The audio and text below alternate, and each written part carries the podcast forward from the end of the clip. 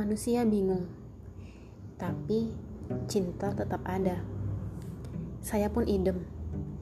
Di tengah dunia hitam kehidupan saya, rupanya tetap terkandung percik cahaya. Saya tetap siap mencintai seorang perempuan. Saya tetap punya sisa kemurnian sebagai manusia. Justru kerinduan saya sebagai manusia untuk bersatu, berdekapan jiwa bersama manusia lainnya makin besar dan makin besar.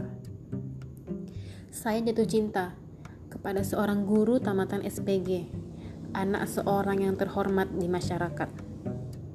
Bu Astuti, atau saya memanggilnya Di Astuti. Tapi saya cuma seorang buruh rendahan, Dik, kata saya suatu sore.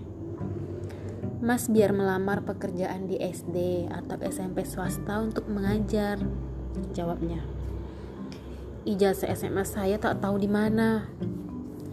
Mengajar itu memberi ilmu, bukan membagi-bagikan ijazah. Ah, di Astuti, seperti tak kenal Indonesia saja. Orang wajib berusaha. Tentu, demi dia saya pasti akan berusaha. Kelihatannya dia cukup cinta juga sama saya. Bahkan kalau boleh jujur, saya ini agak terlalu ganteng untuk dia. Tapi toh besok siang saya tak saya bisa ketabrak cold atau hidung saya peot. Jadi soal ganteng ini janganlah dihitung. Bapak dia pun ternyata sama sekali tidak menghitung kegantengan saya. Saya tegaskan sekali lagi bahwa malapetaka datangnya selalu dari orang tua, dari masa silam dari nilai-nilai yang tumbuh oleh kemarin. Ingatlah betul riwayat saya ini. Dengarlah bahwa Bapak Astuti yang terhormat itu pejabat tak begitu tinggi, tapi pria tulen itu hanya menghitung saya sebagai buruh di jalan. Ia bukan hanya tak setuju putrinya saya pacari, tapi benci lebih dari benci kepada saya. Kalau saya apel ke rumah Astuti, dia berang. Jangankan lagi mengajak putrinya itu nonton atau in the hoy di kebun binatang. Melihat saya duduk di kursi beranda rumahnya saja, ia seperti wak haji kena najis. Pertama, dia hanya melayangkan pandangan yang beruang. Tahap kedua, dia menggebrak-gebrak pintu. Tahap ketiga, dia ikut menemui saya. Kemudian mengusir secara agak halus. Dan tahap terakhir, dia mendera mengusir terang-terangan. Saya tak boleh putus asa, bukan? Tentu, tentu. Saya mencoba membuktikan kemampuan saya yang sebenarnya. Saya sambik kerja saya dengan mulai makelaran lagi untuk menghimpun modal buat karir dagang kecil-kecilan. Inilah kegoblokan saya.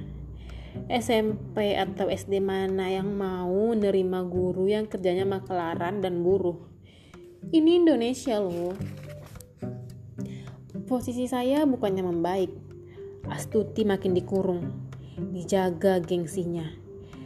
Dan segala sesuatu dalam lingkarannya haram buat saya. Saya punya niat untuk ikut transmigrasi saja. Membangun hidup baru di sana dengan mungkin menyeret melarikan di Astuti ke sana. Menghilang ke dunia yang baru tapi cita-cita itu gagal sebelum saya rintis. Meledak harga diri saya. Saya pacu diri mengembangkan usaha saya sampai akhirnya sekarang saya jadi pemborong bangunan. Cukup kaya, tak main-main, dan tetap bujangan. Terus akan tetap bujangan. Saya tidak akan merebut Astuti dari lelaki yang akhirnya mengawininya.